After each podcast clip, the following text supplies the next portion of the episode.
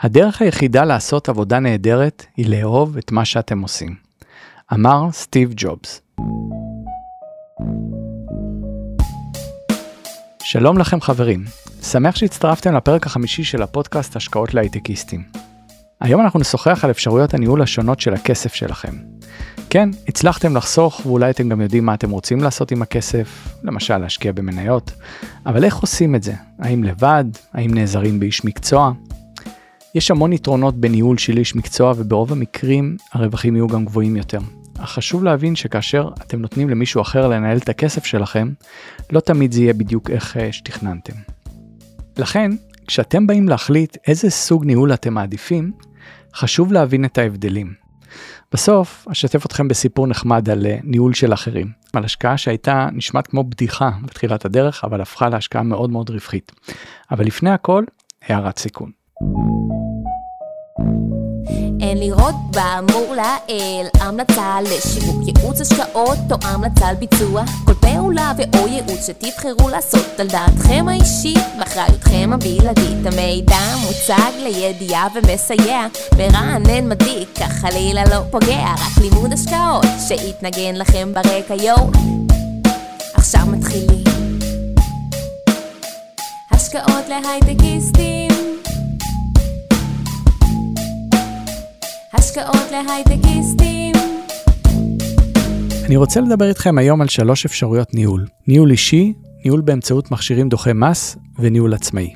אם יש לכם שעתיים וחצי להרוג, זה אחלה דרך, אני יכול לדבר מפה עד מחר על הנושאים האלה, ולא קל לעכל את, ה, את החומר הזה, לכן אנחנו נעשה את זה בלי לצלול יותר מדי לעומק, אני רוצה שתראו את התמונה המלאה, ואני מבטיח לכם, בפודקאסטים הבאים אנחנו ניכנס יותר ויותר לכל אה, נושא. למה חשוב לראות את התמונה המלאה? מכיוון שכל אפשרות כזאת היא רלוונטית. התפקיד שלכם הוא להבין מהי הדרך הכי נכונה עבורכם לנהל את הכספים שלכם. אין פה השקעה או סוג השקעה יותר נכון או פחות נכון, זה יותר אה, עניין אישי, ואני אעבור על שלושת הדברים האלה ומשם נתקדם. נתחיל בניהול אישי. ניהול אישי בעצם מדובר בשירות מקצועי שמותאם אישית עבורכם. אתם תיפגשו עם מנהל תיק, הוא יעבור איתכם על הצרכים הפיננסיים שלכם. הוא ינסח ביחד איתכם מה הציפיות שלכם לרווח, מה טווח ההשקעה, אתם רוצים להשקיע לשנה, חמש שנים, עשר שנים. רמת המוכנות שלכם לתנודתיות של תיק ההשקעות. למשל, אתם מוכנים לספוג אה, ירידות של 30 או 40 אחוז בתיק? יש כאלה שמוכנים לעשות את זה בשביל אה, להרוויח תשואה יותר גבוהה לאורך השנים. אז אלה הדברים שבעצם מנהל אישי יבדוק מולכם. אה, כשאתם נעזרים בניהול אישי בעצם יש לכם ראש שקט הוא עושה את הכל הוא מתמודד עם כל הבעיות או האתגרים. אה, ומה שנדרש מכם בעיקר זה לוודא שאתם ניגשים למנהל שהוא טוב. ולכן אם אתם פונים לאיזשהו בית השקעות תבדקו כמה שנים הבית השקעות הזה קיים. האם אה, יש לו מוניטין טוב? האם השירות לקוחות שלו טוב לא נעים אה, למשל להשקיע מאות אלפי שקלים באיזשהו בית השקעות ולגלות אחרי זה שאנחנו לא מצליחים לקבל שירות כמו שצריך. אמ, הדבר הבא זה לבדוק את דמי הניהול. כל מנהל השקעות ייקח איזה שהם דמי ניהול על מה שהוא עושה. אז uh, יש כאלה שיקחו דמי ניהול גבוהים יותר, יש כאלה נמוכים יותר, זה משהו שהוא uh, קודם כל אפשר לשאת ולתת לגביו. ודבר שני הוא מאוד מאוד משמעותי מבחינת ההשקעה ואני אדבר על זה בהמשך. בנוסף יש כל מיני עמלות, קנייה ומכירה של ניירות ערך, עמלות מינימום, עמלות אי ביצוע, כל מיני עמלות שבגדול פה אין לכם הרבה משחק, אה, בדרך כלל בתי השקעות יש להם את העמלות הכי טובות, הרבה יותר ממה שתשיגו באופן אישי, אבל שווה לדעת מה, מה אתם משלמים על כל אה, קנייה ומכירה כזאת. ניהול אישי יכול להיות גם בבנקים, אמנם זה טיפה שונה מבית השקעות כי בבית השקעות יש לכם ממש מנהל השקעות שהוא עושה בשבילכם את כל העבודה הוא מתכנן הוא קונה הוא עושה הכל. בבנקים זה טיפה שונה שם יהיה לכם יועץ השקעות שיעבוד מולכם. אתם תקבלו הצעה לניהול תיק הוא באמת יכול לבנות איתכם תיק לפי הדרישות שלכם אבל בסוף ההחלטה הסופית כיצד להרכיב את התיק היא תעשה על ידכם. אה, יתרון מסוים בבנק זה שחשבון ההשקעות ו... חשבון העו"ש הם תחת אותו מספר, כלומר אתם בשליטה מלאה על כל מה שקורה. כשאתם פונים לבית ההשקעות שינהל עבורכם את התיק, אתם תצטרכו להעביר את הכסף ממש לבית ההשקעות ושם ינוהל למעשה תיק ההשקעות שלכם. לבנק יש עמלות תפעול גבוהות, בוא נגיד ככה לפני 50-60 שנה היו קונים לכם ממש ניירות פיזיים ושמים אותם בכספת, ולכן היה צריך לשמור עליהם, לשמור עליהם בכספת. היום הניירות האלה לא באמת קיימים, זאת שורה במחשב, ולא בדיוק ברור על מה הם שומרים. אבל מה לעשות, העמלה עדיין קיימת. אז זה משהו שאתם צריכים לקחת אותו בחשבון אה, כשאתם פונים לבנק, ולנסות לשאת ולתת בנוגע לעמלה הזאת. אז לסיכום מהיר לגבי ניהול אישי, זה יחסוך את ההתמודדות עם לימוד ביצועי השקעות. אתם לא צריכים ללמוד כיצד להשקיע, מישהו עושה את זה בשבילכם. המנהל השקעות מקצועי יכול לשמש אתכם כמדריך, אתם יכולים לשאול אותו שאלות, לאט לאט להבין את עצמכם גם, כי כשאנחנו משקיעים, אני חושב שהאתגר הכי גדול זה להבין את עצמנו. יש דברים שאנחנו פוחדים מהם, יש דברים שאנחנו יותר אמיצים אולי מאחרים, יש לנו ציפיות אה, שונות מאחרים, ולכן כשיש כזה מישהו מקצועי לידכם זה נהדר. ודבר אחרון, הכסף נזיל ברמה היומיומית. להבדיל למשל מתוכנית חיסכון בבנק שיכולה להיות סגורה למשך שנה או אפילו יותר. מה החסרונות בניהול אישי? לא יודע אם זה חסרונות אבל זה תנאי סף בוא נגדיר את זה ככה. אה, הרבה ארגונים פשוט לא יקבלו אתכם כלקוחות אם לא תבוא עם סכום משמעותי לניהול הם לא ירצו לנהל סכומים נמוכים. אז לחלקכם יכול להיות שהאופציה של ניהול אישי היא עדיין לא רלוונטית אבל בהחלט בהמשך היא יכולה להיות. והדבר השני זה דמי הניהול. בדרך כלל כשיש מנהל השקעות אישי, דמי הניהול יהיו יותר גבוהים מאשר בסוגים אחרים של אה, ניהול, ואנחנו קופצים עכשיו לאופציה השנייה שזה ניהול באמצעות מכשירים דוחי מס. אני מתמקד פה באמת בכל מיני כלים שדוחים את המס, אבל בגדול כשאני מדבר על האופציה הזאת אני מתכוון באופן כללי למנהל שהוא מנהל להרבה אנשים את אותו תיק. ככה אתם יכולים לחסוך מאוד בדמי הניהול, כי יש מנהל אחד שעושה את אותה פעולה לאלפי אנשים, אולי עשרות אלפים, אתם נהנים מניהול מקצועי, אבל מצד שני, אה, אתם לא היחידים, אתם, אין לכם שליטה באופן אישי. אז אה, מה זה מכשירים דוחי מס? אה, אחד היתרונות בהשקעה במכשירים דוחי מס היא כמו שהכותרת אומרת אתם דוחים את המס אתם יכולים ליהנות מתשלומי מס שיקרו בשלב מאוחר יותר. וכשזה קורה, אז בעצם אותם רווחים שהרווחתם בכל שנה, מנוצלים להשקעה מחדש. אתם מרוויחים כמו בריבית דריבית על ההשקעות שלכם, ודוחים את המס אה, לתום התקופה. עכשיו דחיית מס אנחנו יודעים שבדרך כלל לדחות זה לא דבר טוב אבל פה זה דווקא די חיובי. אם אני אשווה את זה לנגיד להחליף חיתול לילד ברור שכל פעם שהוא עושה צרכים צריך להחליף לו חיתול אבל זה הרבה יותר נחמד אם אפשר לאסוף uh, כמה כמה אירועים כאלה יחד ולהחליף רק בסוף uh, את החיתול נכון זה לא כיף לילד אבל זה נורא כיף לך כבתור הורה אתה פשוט uh, נהנה מהחיים.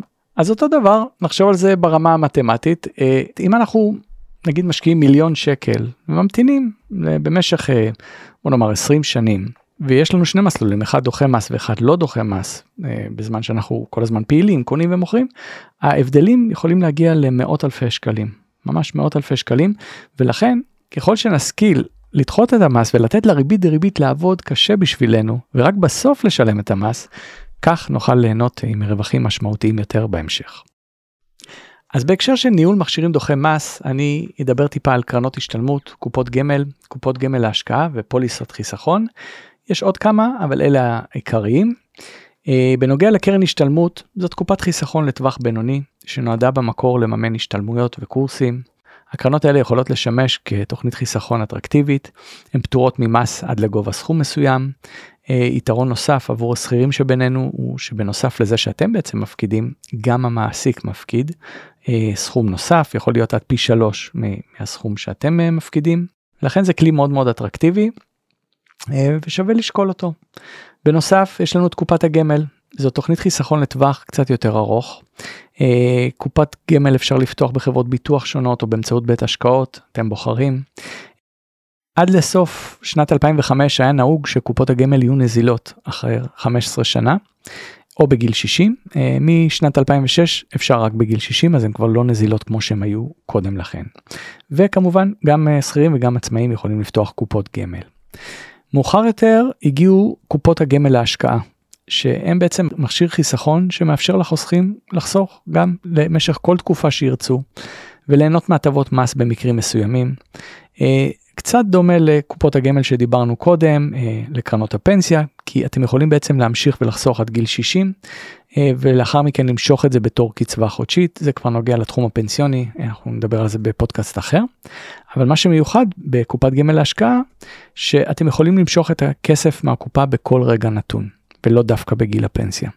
לכן אתם נהנים פה גם וגם, אתם יכולים לעשות את זה תקופה יותר קצרה, או ליהנות מזה כמכשיר פנסיוני. פוליסת חיסכון. פוליסת חיסכון מציעה אלטרנטיבה לתוכניות חיסכון מסורתיות, כמו קופות גמל וקרנות השתלמות, עוד אופציה אה, להשקיע. אה, זה מכשיר של חברות הביטוח שנועד לטווחי השקעה שונים. בדומה לקופות גמל וקרנות נאמנות, אה, אותן פוליסות ינהלו את הכספים שלכם בידי מנהלים מקצועיים, כמו שאמרתי בהתחלה, הם בעצם מנהלים את זה לקבוצה מאוד מאוד גדולה של אנשים, זה לא ניהול אישי, אבל גם כאן ניתן להפקיד ולמשוך כספים ללא הגבלה. בשונה מקופת גמל להשקעה, לא אמרתי את זה קודם, שם יש מגבלה להשקעה עד סכום מסוים כל שנה עד 70 אלף ש"ח נכון להיום, זה לא קיים בפוליסת חיסכון. לכן כל אחד ואחד מהכלים האלה הוא רלוונטי ומעניין, מאוד מאוד תלוי אה, במה שאתם אה, תבחרו, אתם יכולים לפחות, לפנות לחברות הביטוח באופן ישיר, אתם יכולים לפנות לסוכן הביטוח שלכם או ליועץ פיננסי, כולם ידעו לכוון אתכם אה, בכלים המתאימים. כל כלי כזה, לא משנה איזה כלי תבחרו, יש לו מספר מסלולים, הרי אנחנו מדברים על ניהול. אז אנחנו יכולים לבחור למשל במסלול כללי שמגוון מספר אפיקי השקעה, בין אם זה מניות, אגרות חוב והשקעות נוספות. מי שרוצה מסלול שהוא יותר מוטה למניות ושרוב התיק שלו הוא מורכב ממניות, יכול לבחור במסלול מנייתי. אה, יש מסלול אגרות חוב, מסלול חו"ל, להשקעות, אה, לערב בעצם השקעות מחו"ל. יש הרבה מאוד מסלולים וצריך להבין אה, באיזה מהם אתם רוצים בעצם להשקיע. מה היתרון בניהול מכשירי דוחי מס? קודם כל שקט נפשי. אין בעצם ניהול אקטיבי מצדכם, התיק מתנהל ללא מעורבות שלכם.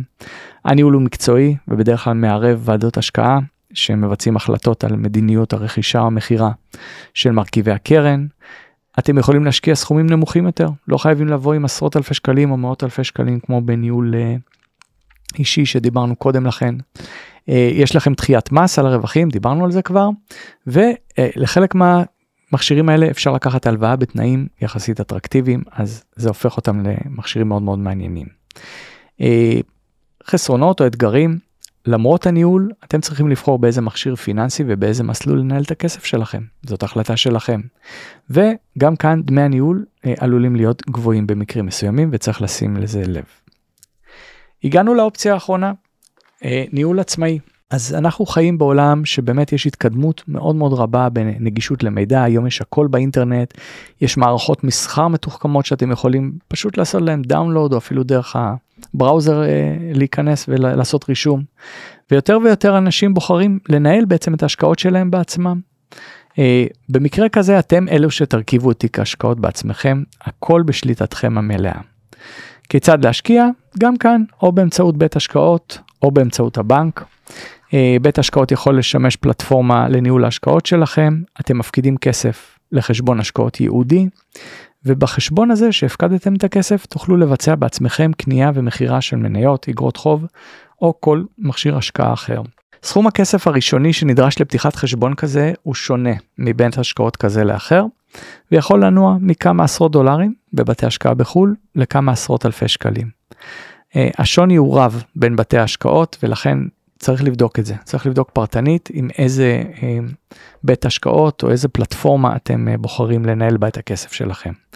גם כאן צריך לבדוק את דמי ניהול החשבון, במיוחד לבדוק את כל עמלות הקנייה והמכירה של ניירות ערך, אגרות חוב. לפעמים יש עמלות מינימום, כלומר גם אם קניתם ב-2,000 שקל תשלמו עמלה גבוהה מדי, כי העמלת מינימום מכתיבה קנייה של מניה ב-20 אלף ש"ח לצורך העניין. אז צריך לבדוק את כל הנושא הזה של עמלות ולצלול לעומק ולהבין איפה כדאי. וכמובן לבדוק את המוניטין של גוף ההשקעות, נוחות העבודה עם הפלטפורמה למסחר, שיש להם שירות אה, לקוחות טוב. אפילו כשעובדים עם בתי השקעות בחו"ל, צריך להבין שיש להם מישהו שיודע לדבר איתכם באנגלית ולא באיזה שפה של אותו בית השקעות באותה מדינה, שלא תוכלו בעצם להתנהל. טוב, אז הבטחתי לכם סיפור נחמד על uh, איך אנחנו בעצם נעזרים בניהול של אחרים ומה יכול לקרות לפעמים uh, כשאתה עושה את זה. Uh, זה סתם סיפור פיקנטי להרים טיפה את האווירה המקצועית, לא משהו שבדרך כלל קורה אבל אותי זה שיעשע. בדרך כלל כשאתם משקיעים בנדל"ן, אם לא עושים את זה באופן ישיר, כלומר קונים בית להשקעה, הדרך לעשות את זה היא באמצעות השקעה בקרן. ואז מישהו או מי שהם מקימים קרן נדל"ן, מגייסים כסף מהלקוחות, ואז הולכים לבצע את העסקה המדוברת. לעתים זה רכישה של בניין מגורים ושיפוץ שלו, אה, לעתים זה בנייה מחדש ומכירה ברווח.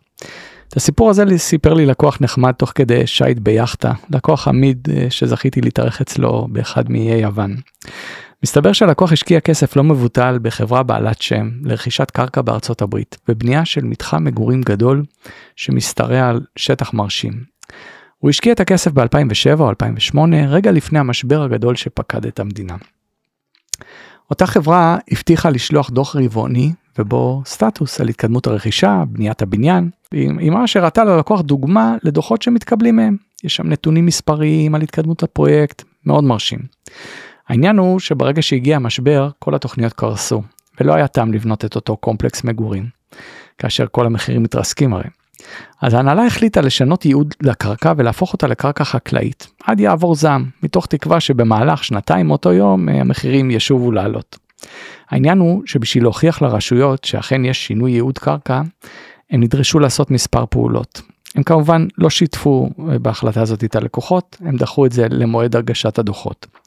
כך יצא שבדוח הראשון שקיבל אותו לקוח, במקום לראות בניין עומד, או לפחות בשלבי בנייה, במקום להראות פועלים ובניין, חניון מפואר, מה שקיבל הלקוח זה 20 תמונות של כבשים. מסתבר שבשביל להוכיח לרשויות על רצינות הכוונה שלהם להפוך את השטח לחקלאי, הם רכשו כ-20 כבשים, ואף טרחו לתת שמות לכל כבשה וכבשה. הלקוח קיבל דוח מאוד מפורט של המלאי שנרכש, תמונות פרופיל של הכבשים, וגם את השם של כל אחת ואחת מהם. אני לא יכולתי שלא להתפקע מצחוק שהוא תיאר את זה כשישבנו שמה, אה, איך הוא השקיע במתחם מפואר של אזור תעשייה וסיים עם 20 כבשים. הסיום של הסיפור הוא טוב למדי, בסופו של דבר נבנה פרויקט והכל בא על מקומו בשלום. אבל חשוב לדעת שכאשר הניהול הוא לא שלנו, ההנהלה היא זאת שתחליט עבורנו מה לעשות עם הכסף. לרוב זה יהיה בהתאם לכוונות שלנו ולצרכים שהגדרנו, אבל לעיתים הדברים יכולים לתפוס כיוון שונה במעט. אולי הגדלת הרכיב המנייתי בעת ירידות, דבר שלא תמיד קל למשקיע ממוצע לבצע. או החלטות שונות אחרות. מה שחשוב הוא שאם בחרנו לנהל את כספנו באמצעות מנהל אחר, חשוב שניתן אמון בביצוע של אותו מנהל ונפקיד בידיו את כאב הראש כיצד להתנהל.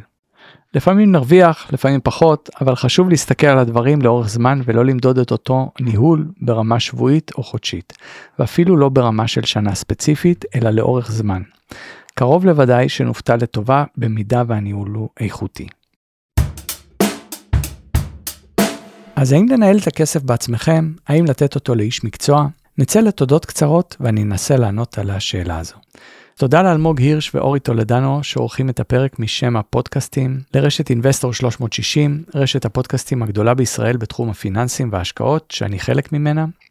אני מזמין אתכם להביא את ההתלבטויות האלו לקהילה שלי שנקראת לצאת מכלוב הזהב, השקעות להייטקיסטים. אז עכשיו ננסה להבין איך לנהל את הכסף שלכם. הפרמטר הכי חשוב לדעתי הוא כמה מעורבים אתם רוצים להיות בשיקול היכן להשקיע ובאיזה אופן. אם תבחרו בניהול של מנהל אישי, רוב הדילמות יהיו במגרש של אותו מנהל, המעורבות שלכם תהיה מינימלית. אם תבחרו בהשקעה בכלים דוחי מס, או כלים אחרים, בהם יש מנהל אחד לקבוצה גדולה של אנשים, עדיין הניהול לא אצלכם, אבל המעורבות שלכם תהיה גבוהה יותר. למי שרוצה שליטה מלאה, ניהול עצמי הוא ככל הנראה האופציה המתאימה יותר. אז לסיום נקודה למחשבה, נסו להבין איזה אופן ניהול הכי מדבר אליכם, ופעלו להתקדם ולנהל את הכסף בדרך שבחרתם.